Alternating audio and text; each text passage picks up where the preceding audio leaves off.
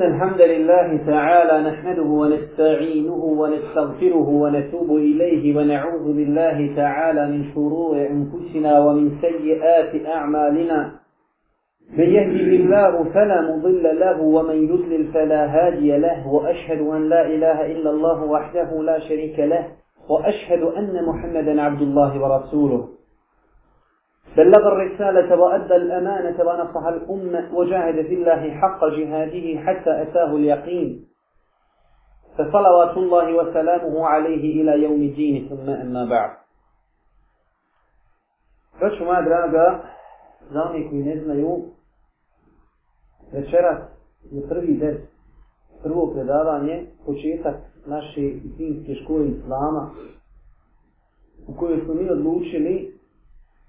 da komentarišemo 40 hadisa imama Nevelija. Jučer je trebao biti prvi drc, ali su braća inspirala da to prolongiramo za danas kako bi što veći broj braće prisutstvo ovom prvom predavanju. Hajde da kažemo, ne bi li to bila neka injekcija ako Bog da da nastavi dolaziti na ta ostala druženja. Drugi des će biti ako Bog da u četvrtak nakon akcije imamo znači Haliku Ana i imamo jedan također derce. Kao što ste čuli, počinjemo sa komentarom 40 hadisa imama Nevedija. U ovom večerašnjem drušenju nekoliko riječi ćemo progovoriti o toj knjizi. Knjizi 40 hadisa progovorit ćemo nekoliko riječi o imamu Nevediju što je logika da poznajemo knjigu i da poznajemo autora knjige, a nakon toga počet ćemo sa komentarom prvog hadisa, pa ćemo vidjeti ako Bog da, da li ćemo i u četvrtak završiti komentar hadisa. Treba da znate, braćo moja draga, da je jedna od odlika i osobenosti Allahog poslanika alaihi salatu wa salam bila i ta da ga uzvišni Allah subhanahu wa ta'ala obdanio nezgrovitim govorom. Što znači mogao je u malo riječi kazati mnogo toga. Do te mjere da su islamski učenjaci komentarisali kraće hadise i na osnovu tih hadisa pisali dijela, tomove. Zbog jezgrovitosti govora Allahu poslanika alihi sadatu wa salam. To je jedna od njegovih osobenosti i na to nam je on sam ukazao. Iako i da nije ukazao, vidjeli bi samo iz ovog večerašnjeg hadisa, kako kratak hadis, a koliko, koliko značenja nosi iz sebi. Kaže se u hadisu Ebu Hureyri, kojeg je zabilježio ima muslim, da je rekao Allahom poslanicu, bitu alel NBA i bisitim, ja sam, kaže, odlikovan nad ostalim svim vjerovjesnicima sa šest stvari. Pogledajte, ne na, nad ostalim ljudima, nad vjerovjesnicima. Znači, to su stvari koje samo imao Allah u poslanih kada ista da je strana. U'fitu džavamijan kelim. Prva stvar, data mi, kaže, vjerovjesnicu govor. Prva stvar. Druga stvar, ono srcu bir ru'b. Pomoknu sam strahom. Ima drugi rivanje, ta mesire te šehr mjesec dana ispred Allahog poslanika ali i salatu wasalam njegove vojske strah. Treća osobenost u hile tlijel ganain dozvoljen je ratni plijen. Znači priješnjim umetima i narodima nije bio dozvoljen ratni plijen. Ovo je jedini umet koji je dozvoljen kada idu u rat, ono su zapljeni da uzme sebi.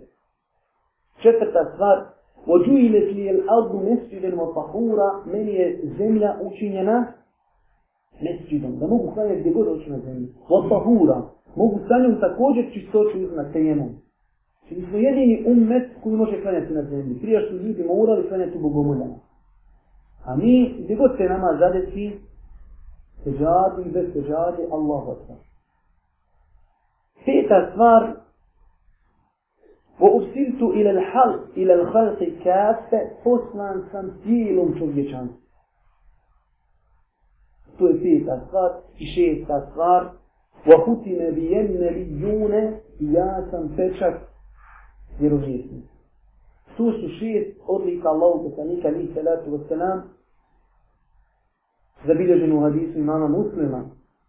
Jedna od njih, odnosno prva jestre, jeste da je Allah poslanik obdaren je zbrojitošću, znači da je njegov govor kratak, sažir, ali nosi u sebi mnogo značine. Imam nevevi rahmetullahi alihi, povodeći se učenjacima koji su bili prije njega, odlučio se na jedan korak, a to je da sakupi u jednoj knjizi 40 hadisa Allahovog poslanika alihi salatu wasalam, u kojima će pokušati da prezentuje ljudima osnovna načela vjeri Islama. Sad imam nevi Rahmetullah Ali je znači tu knjižicu sačinjena od hadisa napisao je za tu knjižicu predgovor. I kaže imam nevi Rahmetullah Ali u tom predgovoru da je bilo prije njega mnogo učenjaka koji su sakupljali 40 hadisa ali su to činili u određenim samo poglavima. Pa je neko sakupio 40 hadisa o žihadu, neko 40 hadisa o zuhdu, skromnosti, neko o vera, znači o predostrožnosti, da se čovjek čuva, znači grijeha, i tako, u različitim segmentima. Ali Imam Nebevi Rahmetullah Jalihi je pokušao u 40 hadisa da prezentuje cijelu djelju. Također u tom svom kraćem uvodu on kaže iako je, kaže, hadis došao sa mnogo takozvani kufira. Znači, sam slučenjak kada govori o hadisu, postoji nešto što se zove turuk. Puteri kojima je hadis došao. Kaže imam ne vi postoji hadis u kojim se obećaju velike nagrade osobi koja ovom umetu saberi, sačuva 40 hadisa. Ali on sam u toj u toj uvodnoj riječi kaže taj hadis, iako je došao različitim putevima, taj hadis je daiz. I kaže, ja se nisam oslonjao na taj hadis. U kojima Allahom poslanik alim salatu wasalam kaže, ko nauči i sačuva mom umetu 40 hadisa o pitanjima vjeri, Allah će ga priživjeti na sudnjem danu sa ulemom učenjacima. Še Albani, rahmetullahi alihi, veliki učenjak današnjici, Sve rivajete ovog hadisa ocenjuje slabim, a čak neki ocenjuje i apokritnim. Kaže imam neredi rahmetullahi alihi, ali razlog po kojih sam se ja odlučio da sakupim 40 hadisa jesu opći hadisi Allahovu poslanika u kojima Allahovu poslanik potpiše na izučavanje vjere i dostavljanje vjere drugima. Kaže, jedan od tih hadisa jeste hadis koji je imam Sirmidži, se vjerodostim lance prenosila sa Nebdar Allahu ima ra'an. Allah se smilovao čovjeku iz mog umneta koji čuje moj hadis, pa ga ispravno shvati, a zatim ga drugima dostao.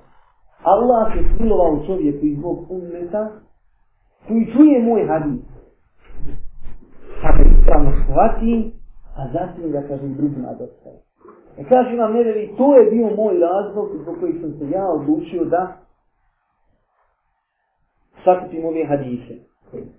To je nešto vezano kratko za ovu knjižicu, a bit će još dodatnih pitanja oko ove knjižice. Sam imam Nevevi Rahmetullahi Alihi, njegovo ime sa njegovim nadimkom jeste Ebu Zekerija Jahja ibn Šeraf en Nevevi. Evo jednom nagradu pitanja. Ili hajde, bit će to je prešto lako. Malo ćemo postati. Imam nevedin. Zašto nevedin, braćo na brate? Sjećate se kako radili imama Buhariju i njegovu biografiju pa smo kazali El Buhari, zato što je rođen u mjestu El Buhara. Imam nevedin. Zašto? Zato što je rođen u mjestu koji se zove Neo. Na prostorima današnje Sirije udaljeno nedaleko od Damaska. Zato se zvao nevedin. A vidite da je njegovo ime Jahja.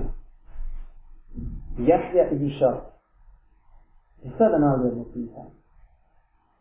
Ko je prva osoba u historiji čovječanstva koja se zvala Jahja i šta je dokaz da je on prva osoba koja se zvala Jahja u historiji čovječanstva? Ko zna nekdje ruku, ako Bog da je, ako bude tačan odgovor, dobit će knjigu. Zavljala. Dokazem ako budem. Dokazem. E, hajde kažem na vratno. Kuranski ajet kur meni da se krija da kućiva dola lapu za šan, pa mala usuća dolu da dobije sina i mala će šan kaže u tome zvaće se jaka, a to ime nismo prije dao nikome. Pa šta, poslije ću to biti. Kaže uzvišnji Allah subhanahu wa ta'ala u suri Marijan, ja zekerija inna nubeširuke bi jahja. وَلَمْ نَجْعَلْ لَهُ مِنْ قَبْلُ سَمِيًّا O Zekerija, mi ti radosnu vije šaljemo, dobit ćeš dječaka koji se zove Jahja. Nikada prije nikome nismo dali to ime. Jahja, alihi salatu wa salam. To je što se tiče njegovog imena. Što se tiče njegove biografije, vjerujući vraću moja draga, sam ja razmišljao da večeras bude samo predavanje o imamu Nevedi. Ali sam ipak odlučio da samo spominemo neke stvari, a nekada u budućnosti, ako Bog da možda govorimo malo još širnije nego biografiji.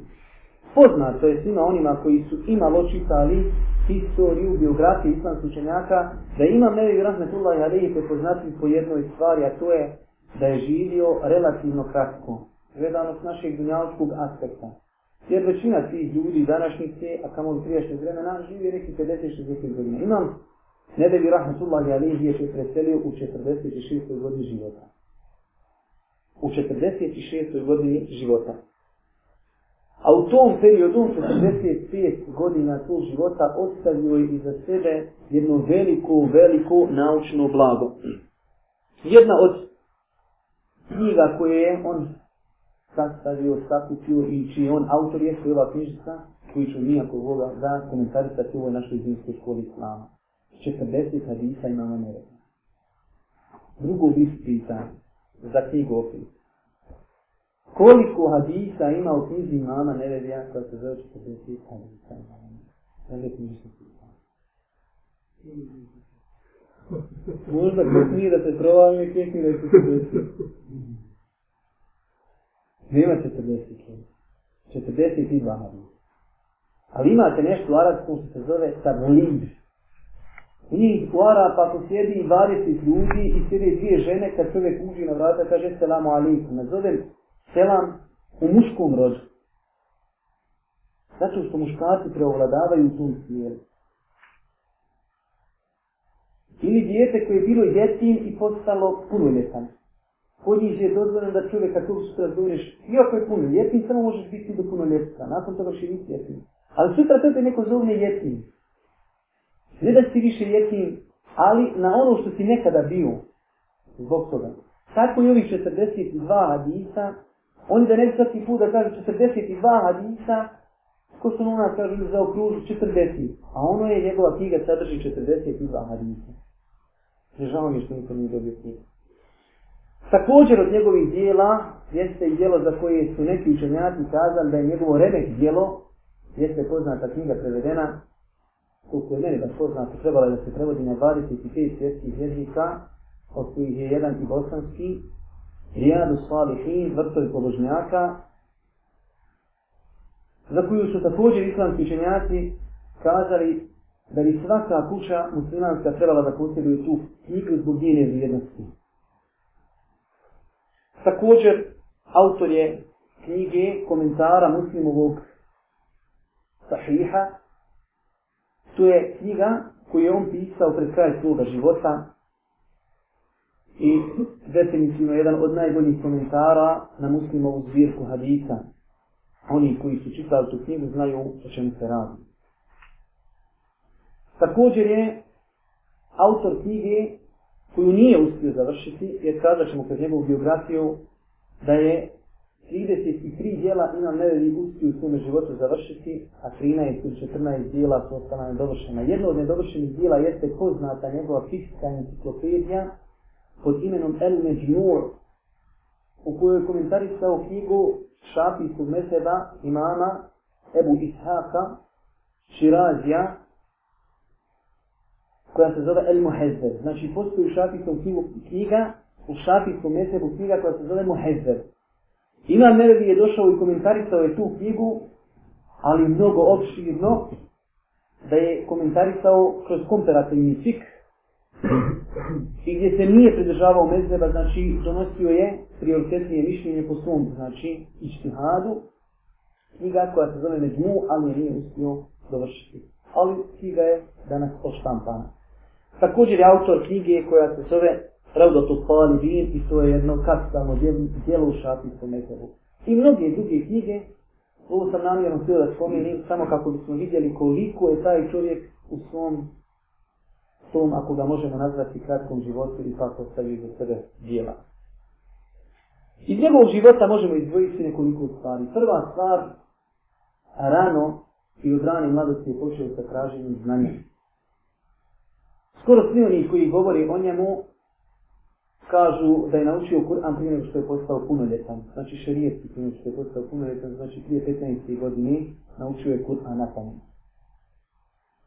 To smo spominjali i kada smo govorili o životu mama Buharije, znači to je velika pouka i poruka svima nama da oni koji želi da postanu velikani ili da njihova djeca postanu velikani, onda period mladosti definitivno treba da bude period kada postižu najviše, jer period mladosti se razlikuju od perioda starosti mnogo aspekata. Jedna od stvari jeste da čovjek u mladosti nima puno obavijeta.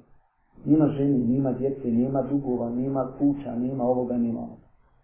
A s druge strane i psihički je više spreman.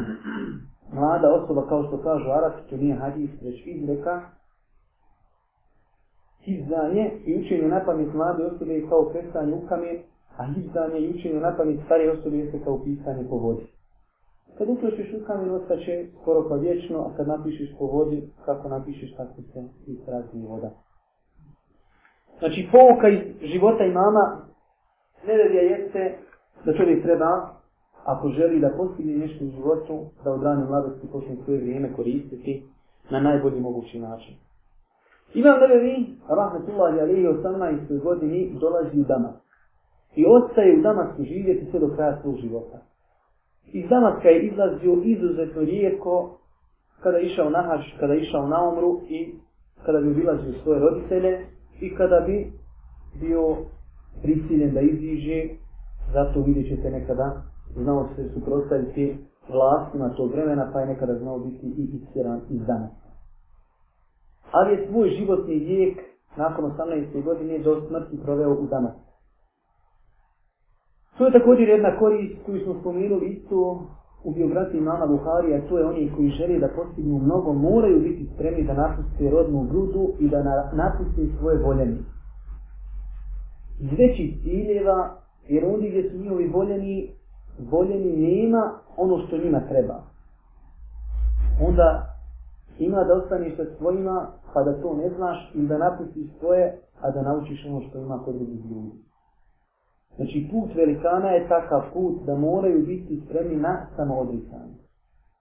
Pa makar su bile i njihove najdraže osobe, pa makar nekada bili tu i roditelji pisa. Također imam Enneo i Rahmetullah Jarihi bio je prepoznatljiv od rani mladosti, od rani mladosti, od svog djetinjstva, da je maksimalno iskoristavao svoje vrijeme. Čak postoje vjerodostojne predaje u njegovoj biografiji da su ga djeca prisiljavala da se ide igra sa njim. A on je plakao kad su ga zvali da se igra sa njim. I tu je vidio jedan učenjak s tog vremena i kazao je, kaže, ovaj čovjek nadati se da će biti ima u svom vremenu.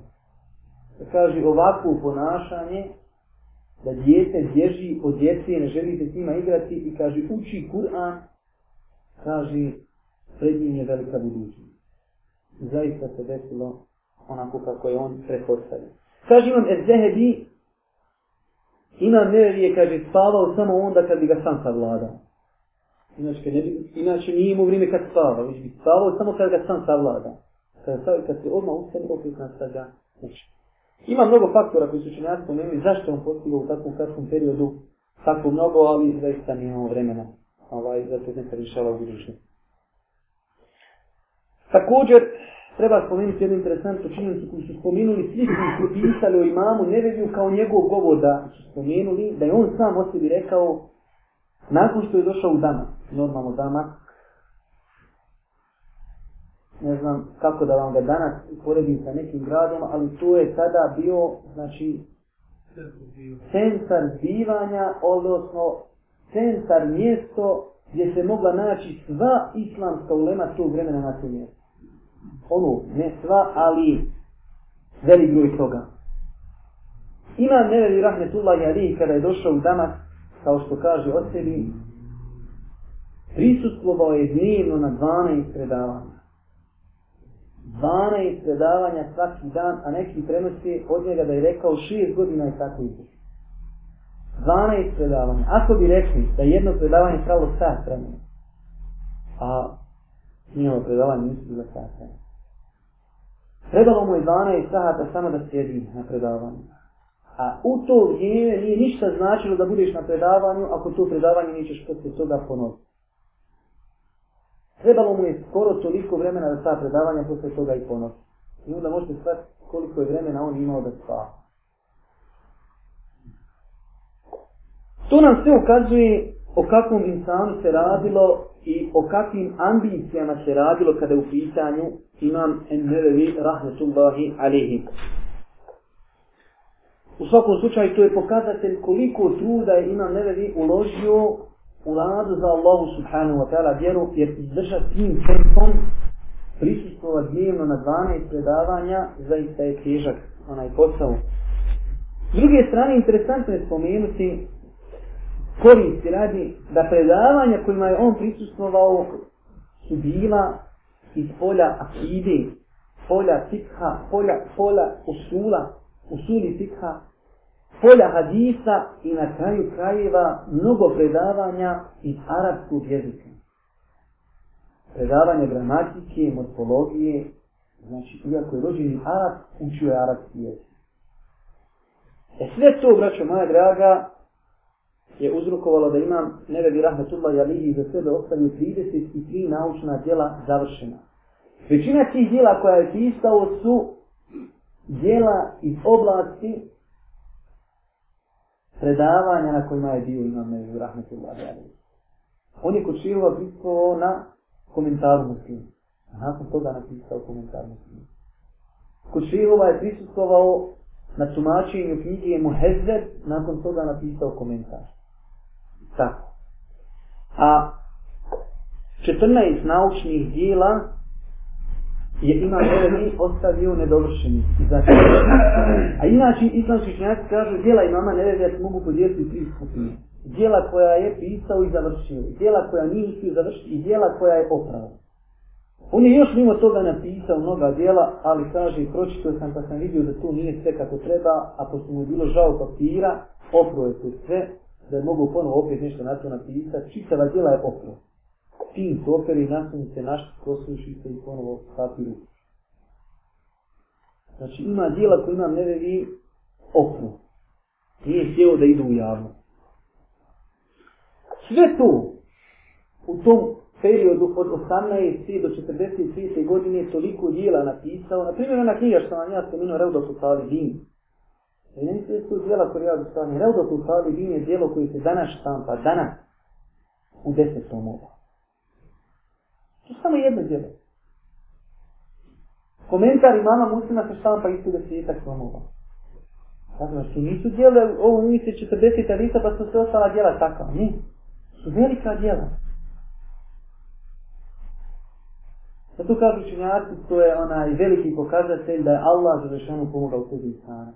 Od 18. godine do 45. godine je sve tu naučiti i sve napisati, a izvan toga bio je prepoznati da je bio pobožan. Da se izuzetno mnogo družio sa Allahom knjigom.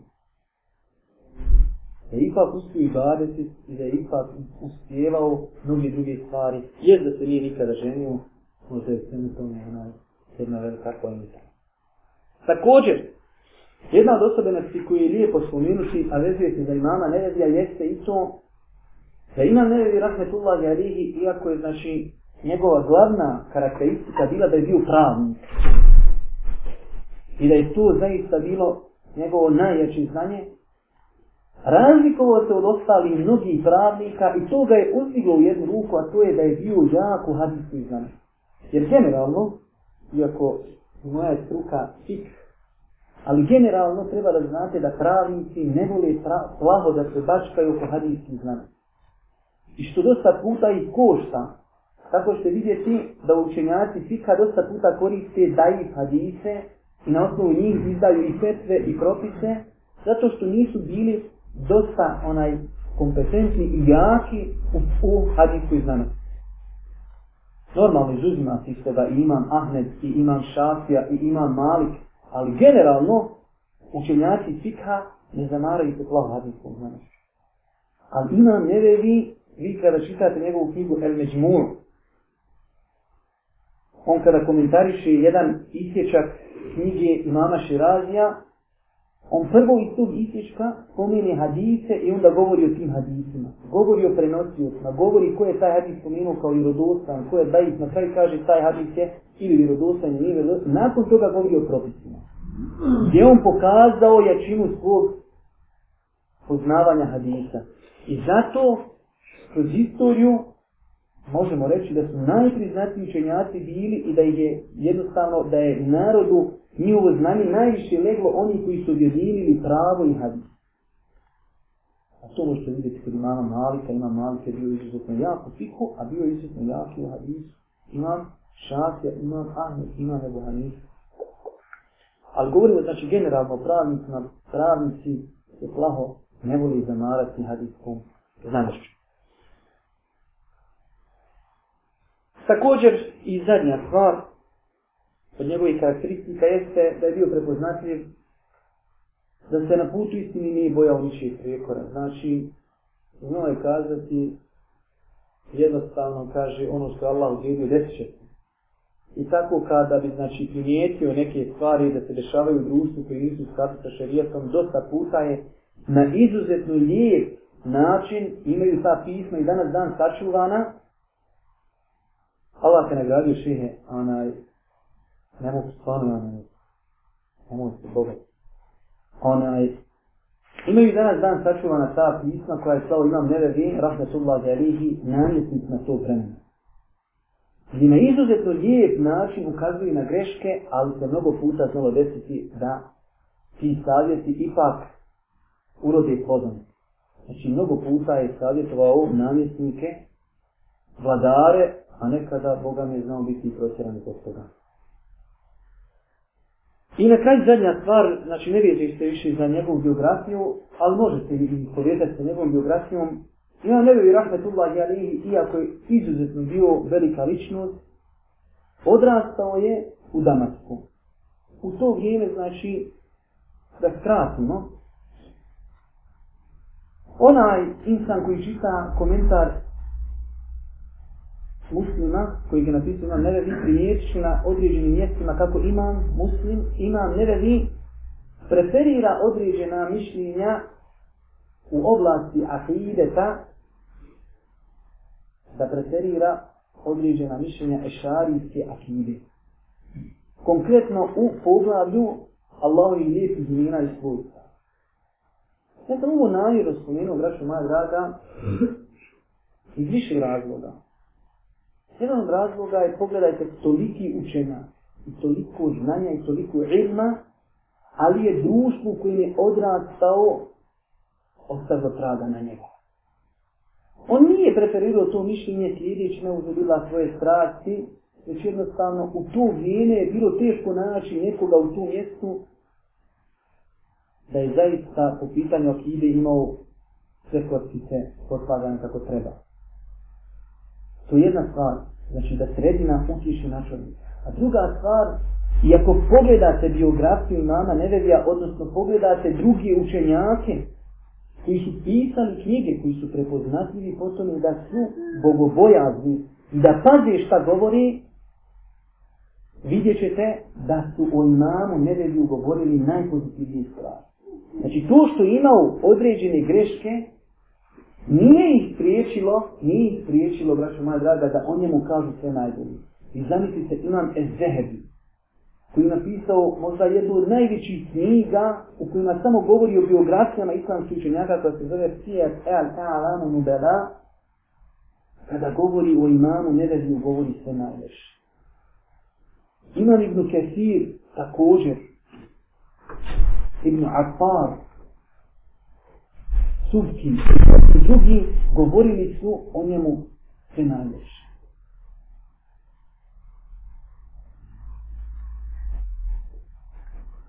To je nešto što bi se moglo kratko spomenuti o imamu Nedaviju, iako sam mislio da neće ni ovoliko vremena uzeti.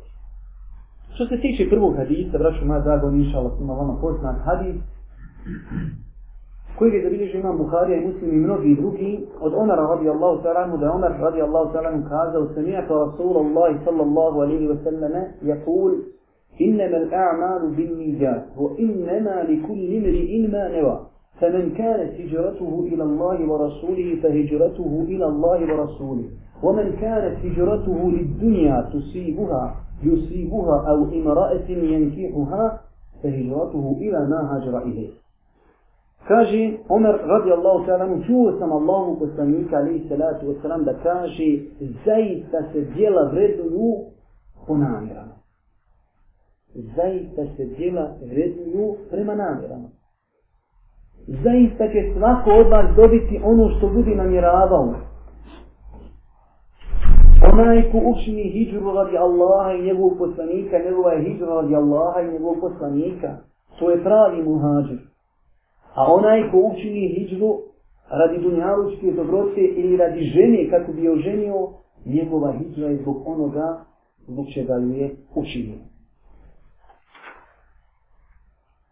Ovaj hadis, braćo moja draga, kao što spomenuli, od Božih poslanika prenosi ona radi Allahu sallahu. Uđeš u sebi za praksu, da prije komentara hadisa, svaki put govorimo nešto ukratko o prenosiju su hadisa, Ima neke hadisa, znači noćeš mu govoriti Omeru, već drugi hadis opet prenosi Omer i više nećeš mu govoriti Omeru. Ali kada dođe drugi hadis u kojem postoji drugi ashab, onda ćemo opet govoriti kratko o tom ashabu. Što tiče Omera radijallahu ta'ala anhu, Omer, o njemu ne treba govoriti. On je svima nama poznao. Halifa koji je preuzeo kormilo hilafeta nakon Ebu Bekra radijallahu ta'ala anhu na na nagovor i naredbu Ebu Bekra radijallahu ta'ala anhu. Allahu poslanik alaihi salatu wasalam je izrekao mnoge hadise iz kojim možemo vidjeti koliko mjesto Omer radijallahu ta'ala anhu je uživao kod poslanika. Kaže Abdullah ibn Amr ibn al-As u hadisu iz Vižnog Bukharija kaže pustu na Allahu poslanik alaihi salatu wasalam u bitku i bio sam vojskovođa bitka koja se zove Zatis Terasijem. Kaže, pa sam pitao Allahu poslanika, ko će Allahu poslanića najdraži misla? Kaže, Aisha. A kaže, ko od muškaraca, kaže, Ebuha, jen otac, a ko nakon njega, kaže, Omer. Pogledajte koliko mjesto je Omer radi Allahu ta'ala uživao kod Allahu poslanika, da je bio, znači, odmah nakon Ebu Bekra, najdraža osoba Allahom poslaniku alaihi sallatu sallam kada su muškarci pitanje. Također je mnogo hadisa u kojima je Allah poslanik obradavo Omera džennetom. Jedan od njih je također hadis u Buhari od Ebu Musa Lešar, ja svima nama poznat, kada je jednog dana Ebu Musa sjedio sa Allahim poslanikom u jednom od bašti koja je imala svoju ogradu, svoja vrata, pa je kazao, danas ću ja biti vratan Allahom poslaniku, neće niko moći ući osim da traži dozvol. Pa je došao čovjek, pokusao, pa kaže Allahu poslaniku, otvori mu i obraduj ga ženio sam, pa je otvorio kad mu nalazi zekr. Pa je pokusao drugi čovjek, kaže Allahu poslaniku, idi otvori mu i obraduj ga ženio sam, kad ono, ono radi Allahu ta'ala anju. Mnoge drugi hadisa koji ukazuju na vrijednost onara, na njegovo znanje, na njegovu pravdu, na njegovu čestoću. I sve to ne može znači čovjek da se načudi suđenjem kako je šeitan toliko zaveo određenu populaciju ljudi, određene sekte, da su toliko potonuli u dalaleću i zabludi da Ebu Beka i Omera smatraju najvećim otpadnici na vjeru. Iako hadisi koji govori o vrijednosti Ebu Beka i Omera su zabilježeni u najrozostojnijim svijetkama hadisa a tu su Buharina i Muslima zbirka hadisa. Čak ako pogledamo, braćo moja draga, u govor ashaba vidjet ćemo da je kod njih bilo znači to bezkompromisno pitanje koja je najvrednija osoba u društvu nakon Božih poslanika. Ali radi Allahu ta'ala anhu dolazi njegov sin Ali za kojeg Rafidije kažu da je trebao da bude halifa prije Bubeka i Demera. Ali dolazi njegov sin i kaže, babo, koji najveđi insan ako možete sa njim? Kaže, budak. A ko kaže nakon njega, kaže, omer. Tu su riječi Ali radi Allahu ta'alanu koji danas neki kažu da je treba da bude halifa prije Bube. Također, ima tiže Abdullah ibn Umara. Kaže, mi za vrijeme Božih poslanika smo smatrali da je najbolja osoba nakon poslanika Ebu Bekr. Potom Omer, potom Osman, a nakon toga više kaže svi asadi su bili na istoj bereži. I svi su natječiti. Ali kaže, to je kod nas bilo bez kompromisa. Ebu Bekr, Omer pa Osman.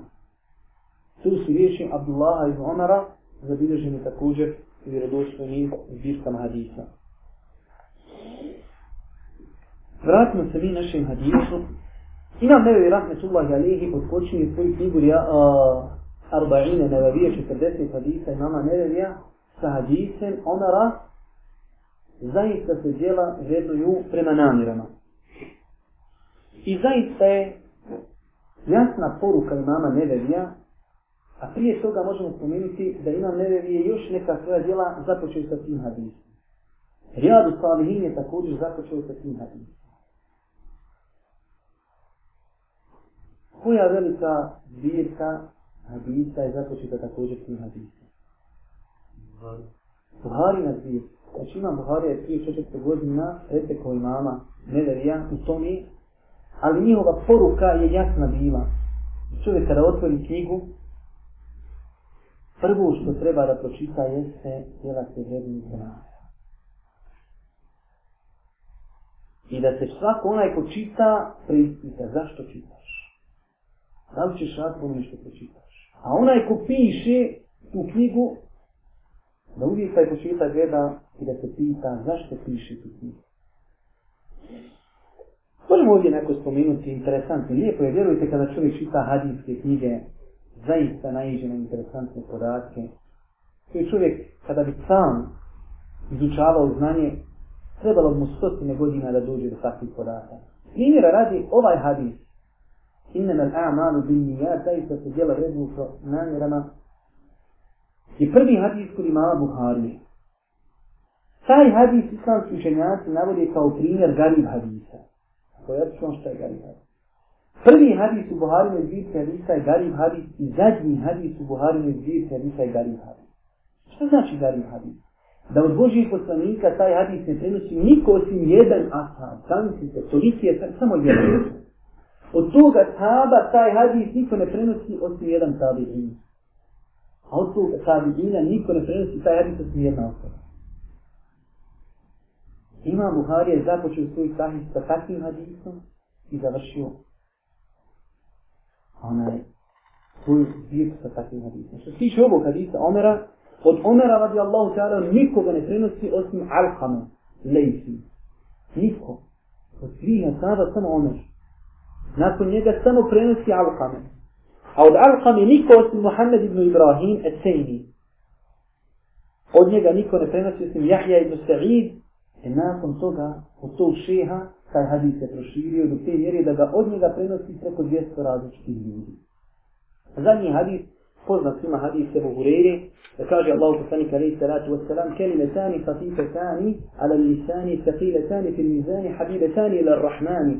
subhanallah i obihamdi subhanallah i obihamdi dvije riječi lahke na jeziku teške na vagi a drage uzvišnom Allahu subhanallah i obihamdi subhanallah i obihamdi to je zadnji hadis u Buhari on je isto garim hadis taj hadis od Ebu uh, eh, Huriri ne prenosi niko Ebu osim Ebu Zura'a poznati imam od Ebu Zura'a niko ne prenosi osim Imara ibn Ka'ka a od njega ne prenosi niko osim Muhammed ibn Fatih Također od interesantnih stvari jeste spomenuti, pogledajte kako Islam ta ulema imala poštovanje, kako su imali respekt drugih knjiga i drugih ulemi. Imam Nevevi u svoju knjigu prvi hadis stavlja prvi hadis iz Buhari. A drugi hadis u knjizi 40 hadisa imama Nevevija je prvi hadis iz muslimovih zbirki koji to hadis? Hadis Džibrila u kojem, znate svi, ona radi Allahu anhu prenosi kako je došao Džibril jednog dana, pa sjeo među Asade, pa podičio Asade propisima djeli. Prvi hadis iz prvi hadis iz Buhari, a drugi hadis, prvi hadis iz Muslima. I opet ima Buha, ima Nevevi, nije prvi koji je tako uradio nešto, već je prije njega uradila neka ulema kao što je, imam Begavi u poznatoj knjizi Šerhu Sunni opet se vraćamo onoj našoj našem hadisu, sve je to vraćo moja draga ti učenjaci započne od svoje knjige iz jednog jednog razloga, to je da čovjek prije čitanja knjiga se preispita da preispita svoj nije. Kad god otvoriš knjigu, prva stranica innemel e'amalu bin nija zaista se djela. Sva, koga innemel e'amalu se zva djela koja Svi su i ibadet i vredni se svoje namjer. I svako će dobiti ono što je zaslužio. Volio bi kada bi došli se srtak na predavanje, pa da vidite šta znači poznavati namjer. Jedan od dva aspekta. Namjer se možete smatrati tako i ovi učenjaci prilati sa fiskog aspekta i sa akijskog aspekta. Fiskni aspekt, šta je fiskni aspekt? Čovjek Udjela se kupa. Hađunut. I udjela se kupa i ima namjer, čuje nije da otkloni od sebe džunupu. Drugi čovjek ode da se kupa, ali grušen i ode da se samo razlazi. Ovaj drugi, ako je džunup, još samo da se razlazi, ne može sanjati sa tim kupom. Razlika je samo čem u namjeru. Jedan ulazi i kaže ode da se okupa, da mogu klamati. Drugi kaže ode da se okupa, da se razlazi. I onaj drugi, jedan izraz može ići klanjati čiste, šelijet je onaj drugi, čiste nakon telesno, ali šelijet nije čiste. To je fikski aspekt nijeta. A imamo ateirevski aspekt nijeta, to vam je čovjek stane i kaže Allah, eto daš.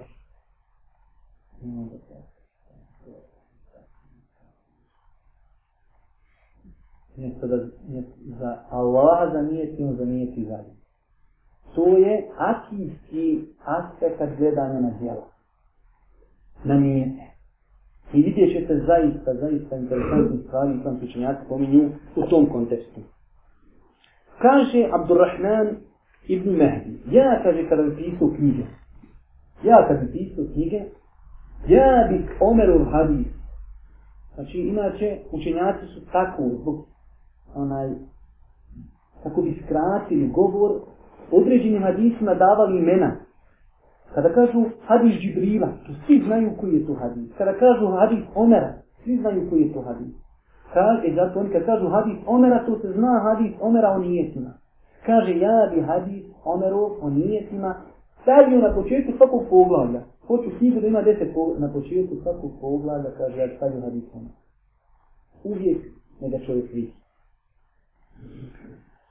Ovaj hadis, braćo moja draga, svjesni bili ili ne bili, ali vidjet ćete ako pratite govor u meni, da zaista zauzima veliko mjesto u islamu. Do te vjeri da su učenjaci za njega kazali da predstavlja polovinu vjeri. Ovaj hadis o kojem mi govorimo i zato ćemo ga mi najviše i komentarisati zbog njegove bitnosti. Zato što ga ima vjeri stavio na prvo mjesto, imam Buharija na prvo mjesto. Zato ćemo mu najviše ukažiti u svijetu. Možda tri ili četiri predavanja ćemo o njemu govoriti. Neki učenjaci su kazali ovaj hadis predstavlja polovinu vjeru.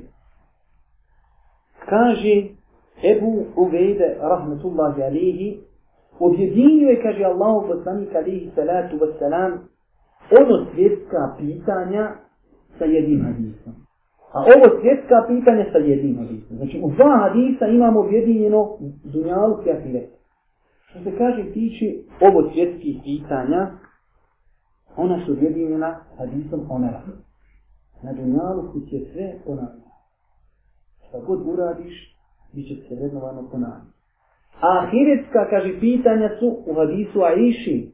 A ta hadis je isti u 40 hadisa nedelja.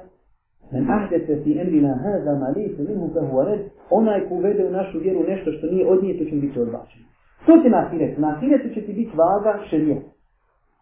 Kaže, gospodar, Ja rađu. A, pa vidim šta si, na osnovu čega? Pa rekao djedo, aha, šta si djedo? Pa vidim ima tu kodlo više nije. Na, na hiretu će se djela vagati na osnovu da li su imala osnovi u djecu. Jer kaže gospani Boži poslani, se huje red. Ono što bude uvedeno u našu vjeru, to je odbijeno. Pogledajte, dva hadisa i sa njima objedinjen izmijalu kjahvijeta. Kaže imam Ebu Davus, svi vi znate koji imam Ebu Davus, to je jedan od sakupljača sunnija. Imamo četiri sunnija, Ibnu Nađu, Ibnu Ebu Davud i Ibnu Nađu. Ova Ebu Davus kaže, poslušaj to vidite, volio se bi nikad, da je nikad ne zaboravio. Zapisao sam od Allahovog poslanika, znači ne od Allahovog poslanika direkt, već od ljudi Zapisao sam od Allahovog poslanika 500.000 hadisa. 500.000 hadisa. Kaže. Pa sam, kaže, probru, izabru, znači, odbacu, odabru i svoj sunet stavio 4.800 hadisa. Poslušajte dalje opisano naš kaži, a čovjeku da bi shvatio svoju vjeru su dovoljna četiri hadisa. Znači, da ne mora ti čitat moj sunen četiri, ti čitaš hadisa i praktiš, tu ti je sva vjera. I tu je ono dželami ili kelim iz zdrovicu Božih poslanika u Bogu. Kaži prvi hadis ono. Ime da ta nalazi mi ja zaista se djela vezmi po nama. Drugi hadis min husni islami mer i terku mala jani od ljepote i čovjeku vjeri ostaje se ono što ti se ne tiče. U životu ne se se tiče ono što ti se tiče. Razio komšija ženu, što mene briga. Kupio auto, kom...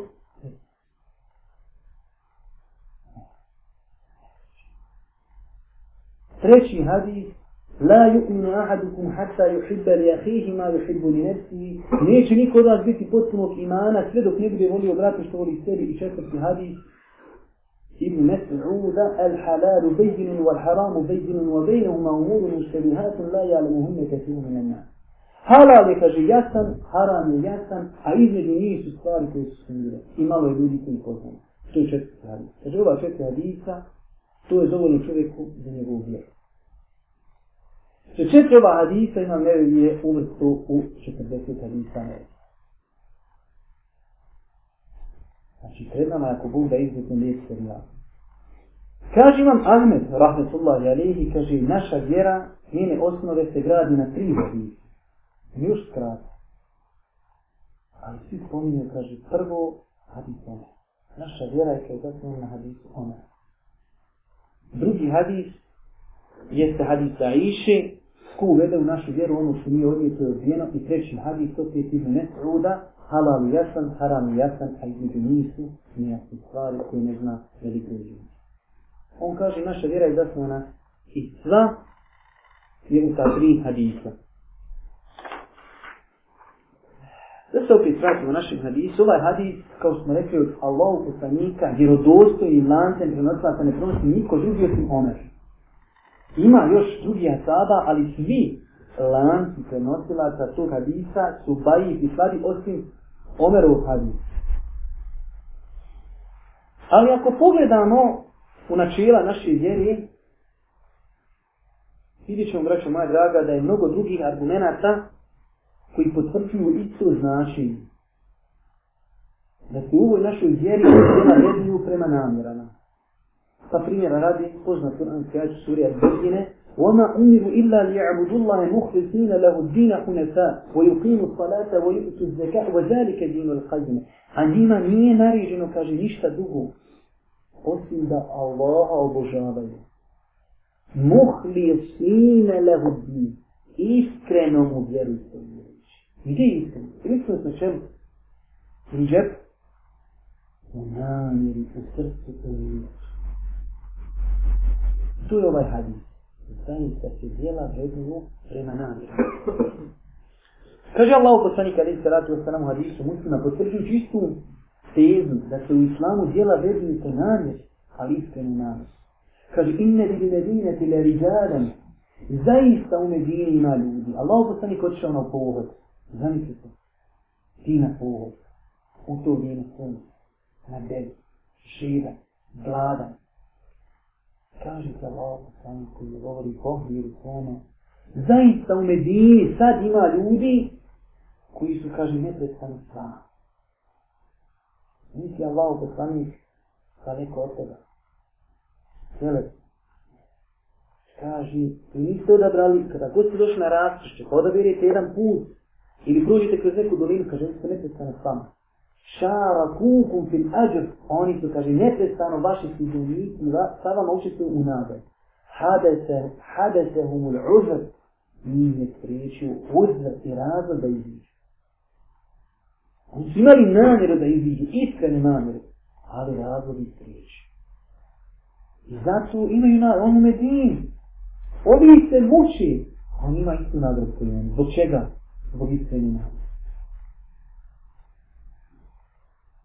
Islamski učenjaci, time ćemo ako Bog da završite, jer ja sam primio mnogo toga za večera, sad evo već u prilike uvijek sat vremena, ja znam da ću vam reći stvar. Islamski učenjaci u ovoj tematici nije sad posvećivali mnogo pažnje. I ako pogledamo njihove govore, izjave, vidjet ćemo čuda. Koliko su to nije posvećivali pažnje, a s druge strane vidjet ćemo čuda u našem životu koliko mi ne razmišljamo o tome. Kaže Sufjan Eseuri, rahmetullahi alaihi najteži što sam liječio kod sebe je se nam. Nije. Kaže nekako, on se drži, preveći. Pogledajte ovdje koji. Kaže, najteži što sam liječio kod sebe. Šta to ukazuje? To ukazuje da se on liječi. Mu'min treba da se liječi. Da se popravlja. Da nije ufuran. Da misli da je kupio kartu za žene. Jer da ubiješ ljudi ka boli. On kaže, sufjane teorije. Mi imamo vremena da govorimo koje su učenje Seuri. Slučaje na Seuri su knjige napisane. Ali on kaže, ja kod sebe nisam ništa teže liječio, znači ja sam mnoge stvari liječio, ha, izliječio sam. Ne boli noga, boli zali, boli škrtost. Te stvari on liječi. On je isto plaho vraćan pažnje fizične bolesti. On je liječio druge stvari. Kaže, ništa teže nisam liječio od namere. Kaže, nekako bježi, prevrći. Ne mogu je nikad ustaviti. Kaže Jusuf ibn Esdav. Preispitivanje namjere je napornije nego kontinuirano čini dobra djela. Ne znate kako je tiješ da čini kontinuirano dobro djelo. Postiš jedan ponedljak, i četvrtak, pa drugu već, pa treću večer. Ajde malo odiš. Kako je tiješ da kontinuirano čini dobro djelo. A kaže on, Teže je preispitivati namjeru nego kontinuirano čini dobra djela. Ali zašto? Oni, onima koji su preispitivali svoj namjer. Kaže se da su jednom čovjek iz prvih generacija koji se zvao Nasjetnu Džubejić. Kaže mu jedne prilike, ajmo na dženazu. Kaže on, stani. Šta je? Čekaj, kaže on, da zanijeti. Nije on sad stao naput pa kaže ne vej to da ide na džemaz. Ne. Da očisti namjeru zašto ide i kod koga ide. Kaže pa je stao radim se on kaže ne sa. Pa se prisjeti hadisa da Allah ovdje sami rekao ko ide na džemazu pa klanja. Pa mogu dok se zakopla džemazu će na dva kraja. Jer vidjet ćete, govorit ćemo ako Bog da ili četvrtak ili sljedeći petak, Da su islamski učenjaci navodili jednu izreku, kaže i badeti nemarni ljudi su adeti običaj. A običaj pobožni ljudi su i badeti. Konta. O tome ćemo poslije govoriti. Čovjek radi i badeti, ali uopšte nema namiru da ga radi. Nije za nije ti ispravi. Tako radi autor. Malo je to, djela se vako. Ako ima ništa. A pobožni ljudi i učeni oni ne stvari koji su običaji sa ispravnom namjerom prevrnu u gade. Pa čovjek spava, spava njemu ba dozvoljeno. Nima se vapa da stane. On kaže, ovdje spava da se nastavam kad ustanem da mogu ići. To je nije isprava, ima nazad za spavu. Jede, ne kaže, ode da jedem, kad bio vrstom želio pričeniti mi samo da. To nije, to nije haram, gdje? On kaže, idem se najedi, ako Bog da, ako sutra treba mi, ja mogu dobro štinti.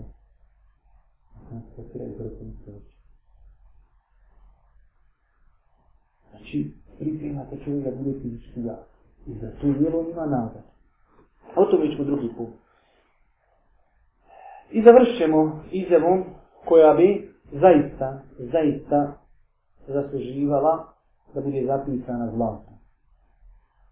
I da se na ulazu u svaki grad, mjesto oni tavli da pišu ulaz u grad, stavi sa plakata. I da sva auta mora ih sredniti prolazom, kada reklamiraju Peterić Fakar. Kaže Abdullah ibn Mubarak, ko je bio Abdullah ibn Mubarak, svi znate, ko je bio Abdullah ibn Mubarak. Koji je poslao Ubajlu ibn Iyadu, poznat onu ilahi koji smo mi toliko puta slušali, a ne znamo da je to on napisao iz džihada. Ja adil al haramini lau absortena ala alinta, enneke bil ibadeti tel abu. Noću u džihad, a Fudajl ibn Iyad je ostao u Mekke kod Harema ibadeti. Baretić. Kao njemu ižđaha da napisao u ilahi, danas je ta ilahija pjeva onako, ali ne znam ništa znači, ni koje komu pisao. kaže ja abid al haramin ila absartina ej ti kaže pobožni insan iz neki kad ti nas vidi da vidiš našu baru ti kao da vidi da ti igraš s njim da pa onda kaže nije isto da ti samo sužer oniš suza ima kuh um. sada plaćiš kako je sutra ima ali kaže mi skrbi ali skrbi nema se srka isteće jednom i tako taj lahja ide onaj njeno značenje izuzetno jako značenje Ta pa Abdullah ibn Mubarak kaže, vjezano za djela, koliko je, kaže, malih dijela, znači u očima ljudi malih dijela koji namjera učini velikim. A koliko je velikih dijela u očima ljudi koji namjera učini male. Pojasnit ćemo to primjerom pa ćemo završiti. Malo dijelo, a namjera ga učini velikim. Čovjek čuje da se gradi džami. I sve. I samo pročita, kaže čovjek da nije rastuhljavna. A on ima u džep marku. I on kaže, evo vam marka te srce. A da imam tu hiljade ja. Tom se čovjek utiši. Ali na, zbog nas. Malo djel, sam dao nas opisano bilo. A drugo, koliko je veliki dijela u očima ljudi, ovo znači u očima ljudi, to je moje pojašnjenje vama, da sam shvatim. Koliko je veliki dijela koji je namjer učini male ljudi. Opet Serbija, i ću ovo kaže, doniram sve dijela. Ali onda to je novinare kaže, ali hoću da budemo na napolnoj stranici. Sad znala sam da se.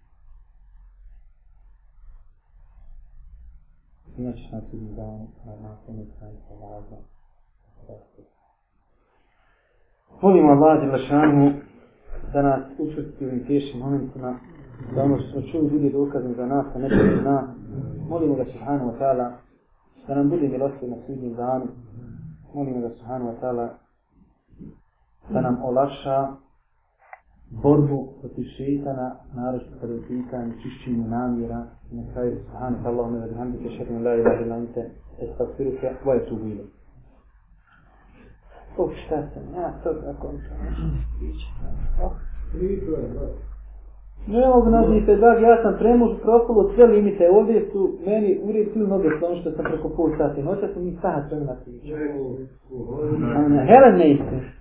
Onaj, E ovako, sad imamo, imamo onaj nekoliko obavijesti. Imamo mi nekoliko obavijesti, ali ja se ne poradim šta sam htjela reći. Prva stvar, sad mi stvarno nemam podobio, se stvarno zaboravio, da mislite se da naš. Četvrta, kako Bog da, nastavljamo sa našom zimskom školom i s vama komentarom ovog hadisa. Nakon jasnije imamo znači dvije stvari četvrtkom, imamo halku Kur'ana